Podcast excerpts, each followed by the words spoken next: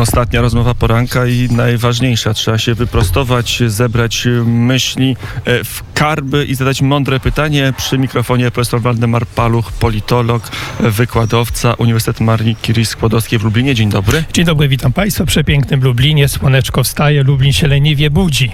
Och, nie tak leniwie, ruch jest e, całkiem spory. No ale to służby miejskie w większości. Ach, pytanie, czy to przypadek? No dobrze, panie profesorze, e, zapytajmy się o rekonstrukcję rządu. Jak pan ocenia 5 lat konstru konstruowania e, rządu Rzeczypospolitej, rządu Prawa i Sprawiedliwości, że po pięciu latach e, przychodzą głosy, trzeba zerwać e, z księstwami, z silosowością, trzeba udrożnić ciągi decyzyjne. To brzmi jak żart po pięciu latach.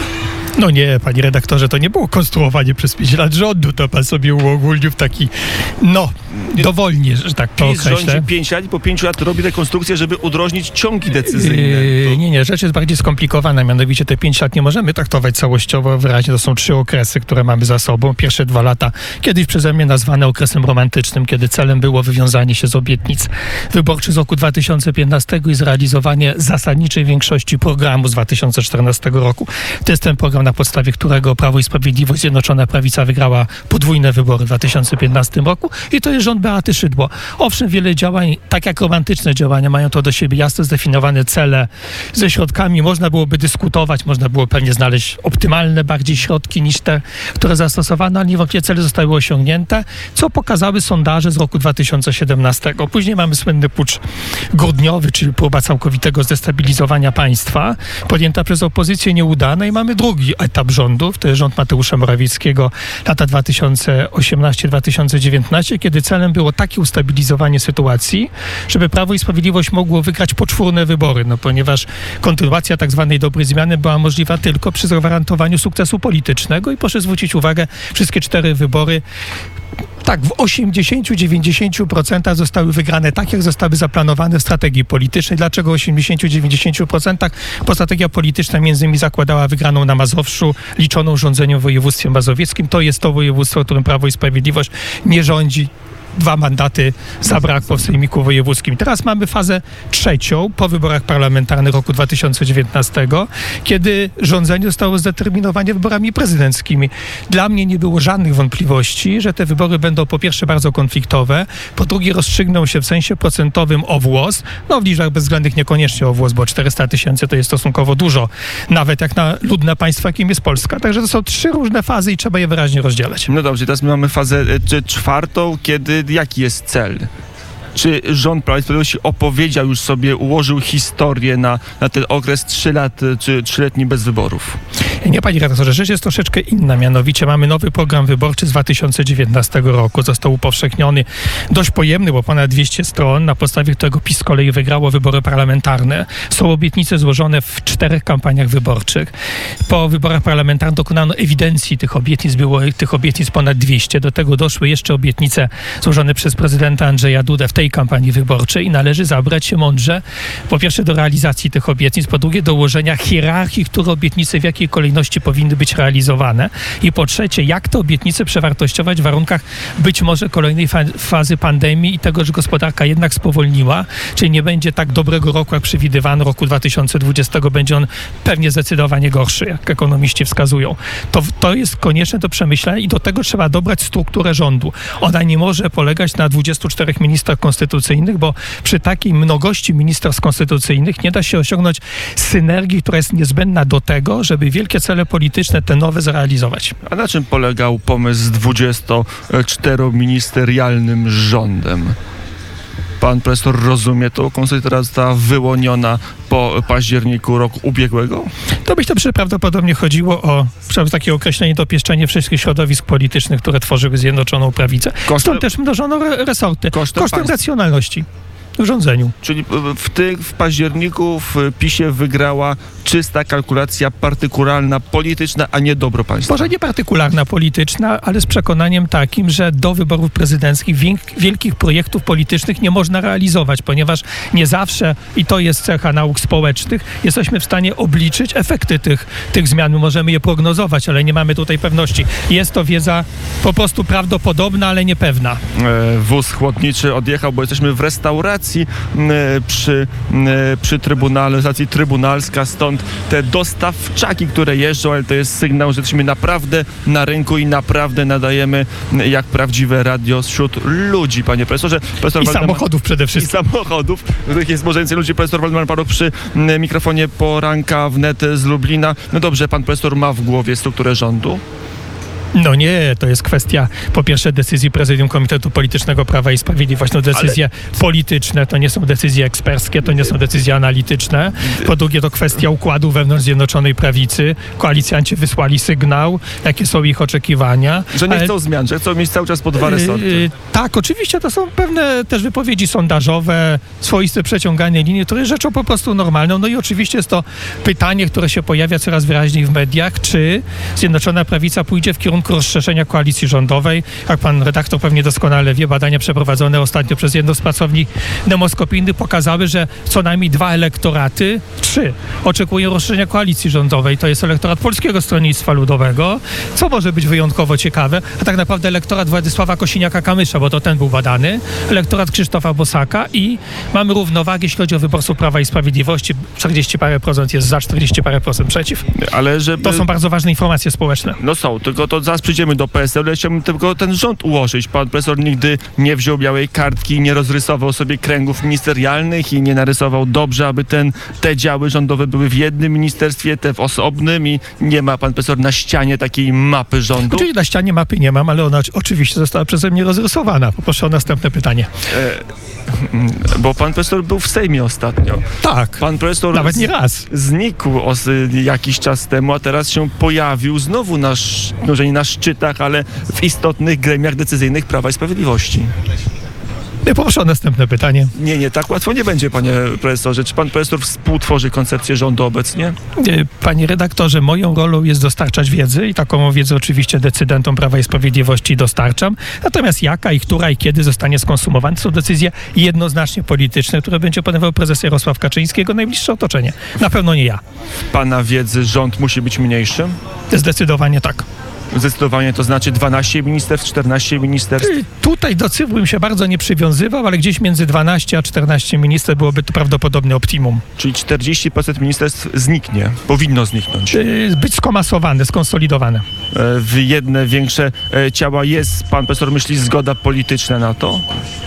To sygnały są różne wysyłane. Na pewno jest zgoda na redukcję ilości resortów, ale jaka komasacja, w jakim zakresie i które działy miały być łączone, to prawdopodobnie jest dzisiaj bardzo dyskusyjne. Gdzie ta komasacja jest najbardziej potrzebna? Na pewno w gospodarce, prawdopodobnie w edukacji i prawdopodobnie w życiu społecznym, ponieważ teraz trzeba połączyć pewne działy, które były rozproszone. Być może także kwestie klimatyczno-środowiskowe będą wymagały y, konsolidacji. E, To jest e, jeden element, czyli konsolidacja. Co ona da? podniesienie racjonalności w rządzeniu to raz, po, po drugie realizację celów politycznych, to już wspominałem, hi, właściwą ich hierarchizację i konsumowanie wiedzy, która wynika z analizy postaw społecznych i zachowań społecznych, w tym także emocji, które wynikły z, wyni- z ostatnich wyborów prezydenckich, bo mamy ciągle sytuację dynamiczną, proszę pamiętać. E, Hierarchizacja się dokonała. Myślę, że już tak. Co jest na szczycie? Wyraźnie widzimy, jakie są główne oczekiwania i lęki społeczne, które wynikły z ostatnich miesięcy 2020 roku. Nie będę odkrywczy, jeśli powiem, że na pierwszym miejscu jest służba zdrowia i oczekiwania związane z kondycją zdrowotną społeczeństwa i zagrożeniami wynikającymi z ewentualnym powrotem pandemii. Podobnie było w wyborach parlamentarnych, samorządowych. Też państwo mówili o służbie zdrowia. Nic z tego nie wynikło. Dlaczego? Y, Tak, ale pandemia pokazała i, i dostatki, i niedostatki tego, co mamy w Polsce, a na pewno pokazała konieczność bardzo zasadniczych i szybkich zmian w tej dziedzinie, ale proszę zwrócić uwagę, że dzięki zmianom przeprowadzonym przez ministra Łukasza Szumowskiego pojawiły się takie instrumenty, które stały się wyjątkowo użyteczne w pandemii. E-skierowanie, e-recepta. Gdyby tych dwóch działań nie podjęto kilkanaście miesięcy przed pandemią, bardzo wiele rzeczy byłoby niemożliwych. Mielibyśmy wielkie kłopoty z leczeniem się podstawowym. Pamiętamy, jak e, rząd Donalda Tuska je wykopać wprowadził elektroniczne kolejki do lekarzy, jakim to się Nic z tego nie wynikło. tak nie wynikło, ale, ale chaos wynikł. Ja pamiętam ten chaos w służbie zdrowia. Wszystko się zgadza. E, i, I to też pokazuje e, różnicę jakości rządów, o którym czasami zapominamy. I użyteczności narzędzi, które się projektuje i wdraża się w życie poprzez ustawy. E, To panie profesorze, do tego PSL-u przejdźmy, bo chyba już nic więcej co do rządu z pana profesora nie wyciągnę, na antenie przynajmniej. E, a PSL to jest realna szansa? Po co e, Prawo i Sprawiedliwości poszerzenie koalicji oficjalne lub nieoficjalne o PSL? Sprawa jest bardziej skomplikowana, bo Polskie Stronnictwo Ludowe należałoby widzieć na dwóch płaszczyznach. Na poziomie elity partyjnej, która jest zdecydowanie chyba niechętna koalicji z Prawem i Sprawiedliwością. Zdecy- zdecydowanie zwycięża filozofia marszałka Adama Struzika. Bronimy stanowisk, które jeszcze posiadamy, zwłaszcza w tych województwach, gdzie Polskie Stronnictwo Ludowe współrządzi z Platformą Obywatelską. Ale jest jeszcze poziom drugi. To jest poziom lokalnych działaczy Pol- Polskiego Stronnictwa Ludowego w tych województwach, których PSL utraciło wpływy na, na władze samorządowe, wojewódzkie i powiatowe. Tutaj racjonalność jest całkowicie inna i tu wyborcy Polskiego Stronnictwa Ludowa w takim województwie, w którym mamy przyjemność się znajdować, jak lubelskie czy świętokrzyskie, wyraźnie naciskają na to, żeby Polskie Stronnictwo Ludowe zerwało mariaż z liberałami, radykałami, których symbolem najpełniejszym była koalicja europejska. Fundamentalna pomyłka Władysława Kosiniaka-Kamysza, której efekty widzieliśmy w wyborach prezydenckich. On zapłacił olbrzymią cenę poprzez zasadnicze załamanie się poparcia politycznego Ale na niego. e, doły na Lubelszczyźnie i w Świętokrzyskim być może tak chcą, ale dalej reprezentantem tych dołów lokalnie w Świętokrzyskim jest Adam Jarubas, bardzo silny zwolennik e, koalicji z Platformą, silny zwolennik e, walki twardej z PiSem, a na, e, a na Lubelszczyźnie pan Hetman, o ile nie mylę, Krzysztof Hetman, tak. nazwiska. Też osoba bardzo liberalna, nawet mówi się, że w zasadzie mógłby być w lewicy, bo takie ma osobiste poglądy. Nie jest tajemnicą, że pokolenie 40-latków w Polskim Stronnictwie Ludowym jest wyraźnie niechętne prawicy, tej prawicy konserwatywnej, znacznie im jest bliżej do liberałów. Proszę pamiętać, że Polskie Stronnictwo Ludowe wiele lat tkwiąc najpierw koalicją z lewicą, później z liberałami, nasiągnęło pewnymi nawykami i zwyczajami, bo trudno, żeby od koalicjanta po prostu nie uczyć się pewnych określonych zachowań, które dla tej partii mogą być zgubne w perspektywie 5 czy 10 lat, bo może oznaczać to jej anihilację polityczną. Ale czy ta koalicja polega na tym, że po prostu PiS będzie przejmować doły PSL-u i w końcu zostanie się partia wydmuszka, partia kilku liderów Struzika, Jarubasa, Kosiniaka i tyle? Nie, myślę, że to w ten sposób nie będzie działało. To będą bardziej, bardziej y, tendencje naturalne. Proszę popatrzeć, co się zdarzyło na Podkarpaciu.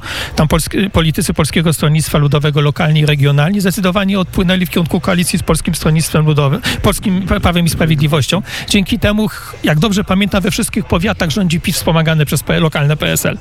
I tak samo będzie na Lubelszczyźnie, na Mazowszu w końcu. Jest to tak- pewien schemat, który może się powtórzyć nie w, nie w skali całego kraju, bo to jest bardziej złożone, ale w niektórych województwach być może tak. Jarosław Kaczyński w wywiadzie w zeszły, poprzedni jeszcze weekend dla Polskiego Radia powiedział, jeżeli ktoś się do nas uśmiecha, my się do niego uśmiechamy, chyba myśląc o PSL-u e, właśnie, ale też podkreślił, że nie przewiduje wyłuskiwania posłów pojedynczych, że jakby miał jeszcze nadzieję na porozumienie jednak na tym poziomie najwyższym, tak, mimo oporu Struzika, Jarobasa, że jednak tu do jakiegoś porozumienia dojdzie. Nie wiem w jakim formacie. Nie, no myślę, że tu prezes doskonale powiedział o co chodzi, proszę zwrócić uwagę, jak wygląda ekipa senatorów Polskiego Stronnictwa Ludowego, bodajże w liczbie trzech. Trudno spodziewać się, żeby tak znamienity ludowiec jak Michał Kamiński dokonał nagle akcesu do porozumienia z, pra- z Prawem i Sprawiedliwością. Tu diagnoza prezesa była dość klarowna i jasna. Jest jeden taki prawdziwy PSL-owiec, nawet. ZSL-owiec. Ale to nie zmienia układu w Senacie.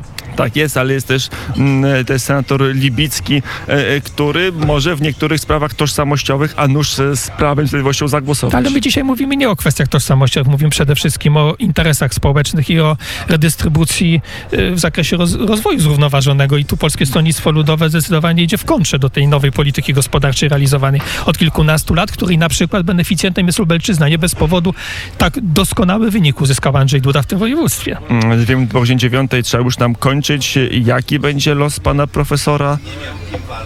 Y, No, skończymy program i wracam do domu. E, Dobrze, a politycznie? Panie redaktorze, to są kwestie natury otwartej. To yy, ja jestem analitykiem, ekspertem, oczywiście yy, także politykiem Prawa i Sprawiedliwości i zawsze zadania mi powierzone staram się realizować najlepiej jak potrafię. W tym rozdaniu jakieś zadanie się znajdzie? Ja mam mnóstwo różnych zadań, jest tylko pytanie, skąd wziąć czas, żeby je wszystkie realizować. No nie no, zadanie... Ale zdradzę panu redaktorowi i państwu tajemnicę. Napisałem książkę w ciągu ostatnich miesięcy, która mam nadzieję, że za kilka miesięcy ujrzy światło dzienne. Mam nadzieję, że będzie bardziej dostępna niż książka o e, myśli i systemie politycznym Józefa Piłsudskiego. Yy, może, może być tak samo mało dostępna, będzie dotyczyła polityki zagranicznej. E, No dobrze, to może pan profesor przyśle jakiś egzemplarz autorski. Ma pan obiecane. E, Dziękuję bardzo. Będę trzymał za słowo. Zobaczymy. Mm, A, będę trzymał i wierzę w to słowo. Profesor Waldemar e, Paruch, politolog. Dziękuję, do widzenia państwu. Polityk był gościem poranka, nawet ostatnim gościem mm, w Lublinie. Jutro Świdnik, a ja zostawiam państwa z wiadomościami teraz studio w Gmachu Pasty.